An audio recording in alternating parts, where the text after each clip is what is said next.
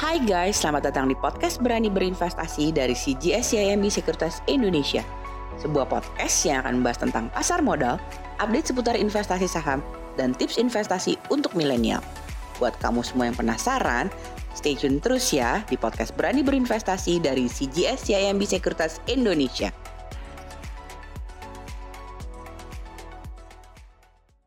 Halo guys, apa kabar? Selamat datang di podcast Berani Berinvestasi dari CGS CMB Sekuritas Indonesia. Kali ini saya, Aditya Perdana, sebagai Retail Research Analyst dari CGS CMB Sekuritas Indonesia. Dan kembali ditemani oleh teman satu tim saya, yaitu Fanny Sherman. Hai Fan. Adit. Oke guys, jadi kita berdua akan berbincang-bincang seru nih terkait pembicaraan yang menarik di market saat ini. Kita berdua ingin membahas mengenai kinerja emiten di kuartal 4 di tahun 2019. Dan tentunya yang paling menarik adalah kondisi sektoral, kinerja sektoral di tahun 2020. Tentu kalian menunggu bagaimana sih sebenarnya kondisi sektoral eh, di ISG di tahun 2020 ini. Oke, stay tune terus makanya di podcast kali ini. Kita yuk guys. Hai Van. Hai Dit. Nah, Van, mau sedikit tahu dia dan bertanya. Kira-kira nih, Van, karena kalau coba kita flashback Mhm. di tahun lalu ya, khususnya di fourth quarter Mhm.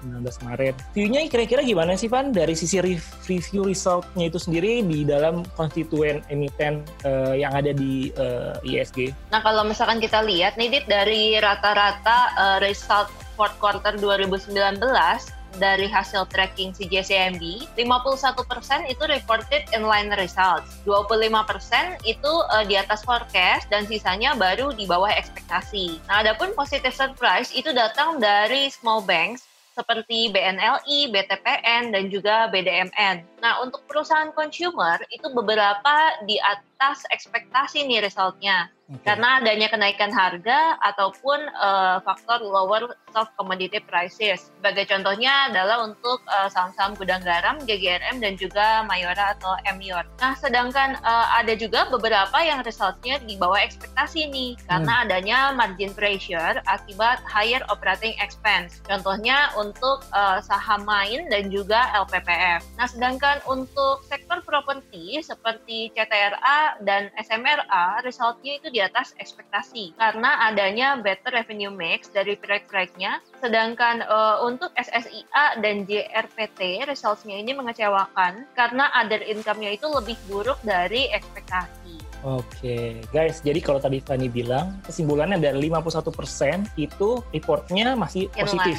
Inline terhadap Inline. eh, hasilnya ya. Dan sisanya 25% Terhadap- forecast ternyata. Nah, tentunya ini sebenarnya kalau secara umum majoritinya eh, kinerjanya positif ya Van ya. Karena memang di luar itu Ya. tanya dari bawah ekspektasi gitu kira-kira. Kita akan ngomongin sedikit detail nih Van. Kalau tadi kan mengenai review Mhm. result di tahun lalu ya. Kalau Mhm. sekarang pengen tahu juga nih dari sisi eh, rasio keuangan khususnya dari segi eh, Mhm. return on equity. Mhm. Banyak yang menggunakan sebenarnya rasio ini Van untuk bisa melihat eh, kinerja dari perusahaan karena terkait dengan probabilitas. Nah, kira-kira kalau dari segi eh, ROE sendiri di tahun lalu tuh kemarin kira-kira gimana sih Van? Eh, kalau misalkan dari segi ROE atau return on equity banks Oke. itu rebound sebetulnya dibandingkan dengan ROE di 2016 yang eh, sebetulnya rendah ya. Nah, sedangkan tapi kalau misalkan kita bandingkan antara ROE fourth quarter 2019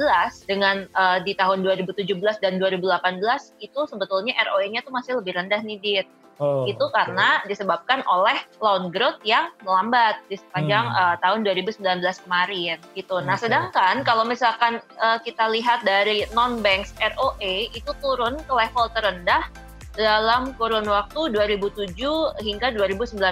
Nah, ini karena adanya signifikan kontraksi di perusahaan-perusahaan seperti konstruksi, utilities, dan juga perusahaan media. Oke, menarik ya Van ya. Jadi memang ternyata eh, return on equity di banks ini turun karena ternyata ada pertumbuhan kredit yang melambat ya Van ini sepanjang 2019. Oke, jadi memang Hmm. berarti bisa juga ya karena kita melihat bahwa kalau misalnya kondisi dari ekonomi itu akan melambat, pastinya akan Mhm. mempengaruhi juga ya exposure terhadap pertumbuhan kredit juga ya Van dan ini akhirnya juga bisa membuat eh, kinerja dari satu perbankan terdampak ya Van ya, kira-kira gitu ya. Mhm, mhm, pastinya. siap. Nextnya nih Van, masih terkait dengan rasio keuangan. Kali ini kita akan mencoba melihat posisi dari utang. Tentunya juga teman-teman pengen tahu juga, kira-kira kalau dari segi utang, debt, apakah tahun lalu posisi mm-hmm. dari debt to equity ini meningkat atau seperti apa? Nah, kalau misalkan tadi nih, Dit, kita udah bahas uh, dari segi ROE kan sebetulnya kalau dibandingkan dengan uh, 2017-2018 nih agak turun nih ya untuk yang uh, sektor banks gitu ya. Dan non-banks juga tetap malah uh, turun bahkan ke level terendah nih ya. Nah, tapi kalau misalkan kita lihat dari segi debt to equity, ini kita bisa lihat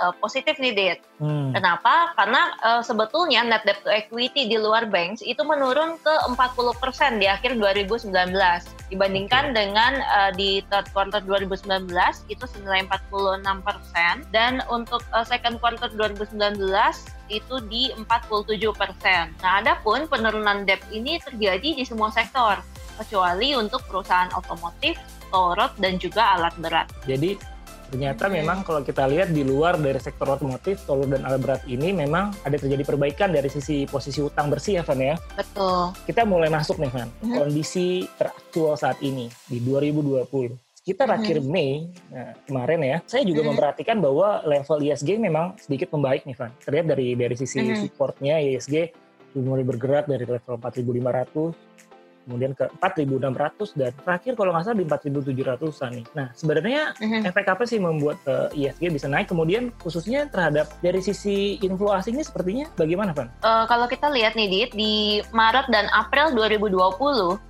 investor asing tuh sebetulnya masih net sell di saham dan obligasi kita hmm. dengan outflow itu masing-masing di 935 juta US dollar untuk uh, saham net sell-nya dan juga untuk net sell di obligasi itu sebesar 7.597 juta US dollar. Okay. Nah, sedangkan uh, per tanggal 1 sampai dengan 27 Mei, investor asing tuh mulai berbalik untuk net buy obligasi sebesar 308 juta US dollar. Tapi untuk equity itu tetap membukukan net sell sekitar 577 juta US dollar. Oh, gitu. gitu. Jadi sudah mulai terlihat nih Van ya, inflow asing tapi memang masih masuk ke uh, ke bonds ke bonds ya. Jadi memang kita berharap mm -hmm. Biasanya setelah bonds sih mereka akan masuk ke equity ya atau saham ya Van. Moga-moga ya. Moga-moga. Oke. Okay. Nah tadi kan udah dilihat dari sisi flow asing ya. Kemudian mm -hmm. kita pengen tahu dari sisi uh, performance nih kinerja mm -hmm. sektoral dari mm -hmm. awal tahun sampai dengan 27 Mei kemarin. Mm -hmm. Bisa dikasih contoh nggak Van? Kira-kira sektor apa aja sih yang outperform terhadap ISG? Nah kalau kita lihat dari uh, performance GCI per sektor dari awal tahun hingga 27 Mei uh, 2020, investor tuh terlihat lebih yakin untuk uh, masuk ke sektor yang defensif. Contohnya seperti consumer staples, healthcare, cigarette, dan juga telco. Nah, makanya sektor-sektor uh, tersebut tuh lebih outperform dibandingkan dengan uh, GCI. Nah, sebetulnya ini menunjukkan bahwa sentimen dan juga market confidence tuh masih lemah, Dit karena okay. mereka ibaratnya tuh lebih mencari aman gitu ya, hmm, makanya betul, masuknya betul. ke sektor yang defensif. Iya betul betul. Karena memang kondisi dari hmm. ekonomi saat ini juga memang nggak terlalu mendukung ya, apalagi uh, tentunya masyarakat juga kalau saya perhatikan juga mereka pastinya masih fokus terhadap pemenuhan kebutuhan pokok ya di situ ya kan. Betul. Jadi memang sektor-sektor tersebut yang akan diuntungkan. Oke, okay.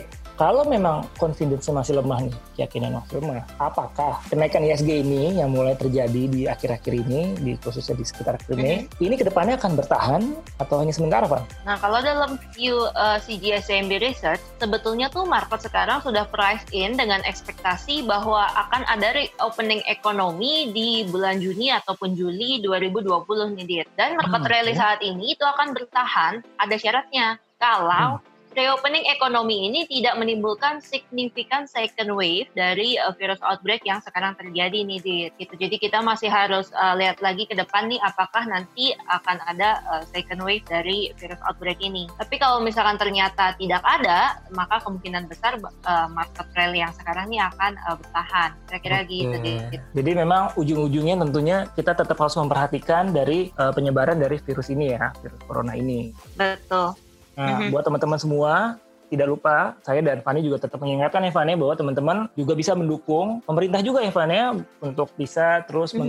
menggiatkan bagaimana kita bisa menjaga kebersihan. Kemudian kita juga bisa sering pakai masker dan hand sanitizer ya Fani agar supaya itu tadi Betul. kalau misalnya penyebaran virus ini mulai berkurang dan akhirnya benar-benar bisa bisa di apa ya bisa diatasi ya. Diatasi dan tentunya dampak positifnya adalah ekonomi kita akan positif kembali, pulih kembali, dan tentunya investasi di ISG akan bisa kembali pulih lagi ya, Van. Betul. Oke, Van. Terima kasih banyak nih, Van, buat perbincangan kali ini. Dan buat kalian semua, hmm. guys, sampai jumpa di podcast Berani Berinvestasi selanjutnya. Tentu, jangan lupa juga kalian bisa mengikuti informasi-informasi seputar update lah pasti ya, di online ya, di Instagram dari CJSMB ID dan juga YouTube channel kita. Jadi, kalian harus terus mengikuti follow dari updatean-updatean sosial media kita dari CGS and Secrets Indonesia. Oke, supaya kalian semakin berani untuk berinvestasi. Karena kalau nggak mulai dari sekarang, terus kalian mau mulai investasi kapan? Oke guys, see ya!